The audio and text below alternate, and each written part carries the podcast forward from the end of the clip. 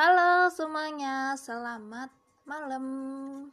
Karena aku lagi rekaman pas malam hari. Uh, di episode kali ini aku mau ngebahas tentang impian.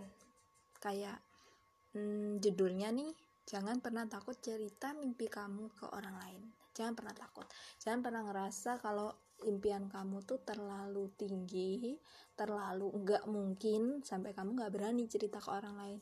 Padahal kita nggak tahu nih kalau ternyata orang yang tadinya mau kita ceritain ternyata dia yang bakalan bantu kita gitu. Ternyata dia yang bakalan uh, bantuin kita ngewujudin mimpi-mimpi kita. Contohnya kayak gini nih ada sebut saja si A gitu si A dia pengen jadi penulis dia pengen nerbitin buku dan dia udah punya naskah tapi dia udah nyari berbagai penerbit lah dia nggak menemukan gitu. Sampai pada akhirnya dia memberanikan diri untuk cerita ke temannya si B. Padahal si B ini dia nggak tahu tentang tulis menulis dia nggak paham gitu.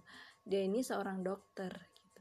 Tetapi ternyata setelah si A cerita sama si B ternyata tidak disangka-sangka si B punya temen yang dia ini penerbit gitu. Kan jadinya bisa tuh dihubungkan dari si A tadi disampaikan ke temannya si penerbit ini. Jadi si A punya jalan buat menerbitin naskahnya dan si A bisa jadi penulis. Gimana ya cerita itu sebenarnya hal-hal yang sepele gitu loh. Cuma cerita keinginan aja siapa tahu temen kita bisa bantu gitu. Misalnya aku lagi pengen renang gitu atau pengen jalan-jalan ke mana aku cerita sama temen aku eh aku pengen ke sini tahu gitu.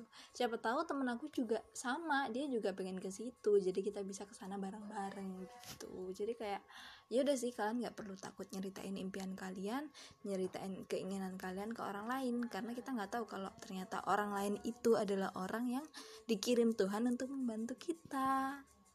Udah segitu aja cerita kali ini. Bye bye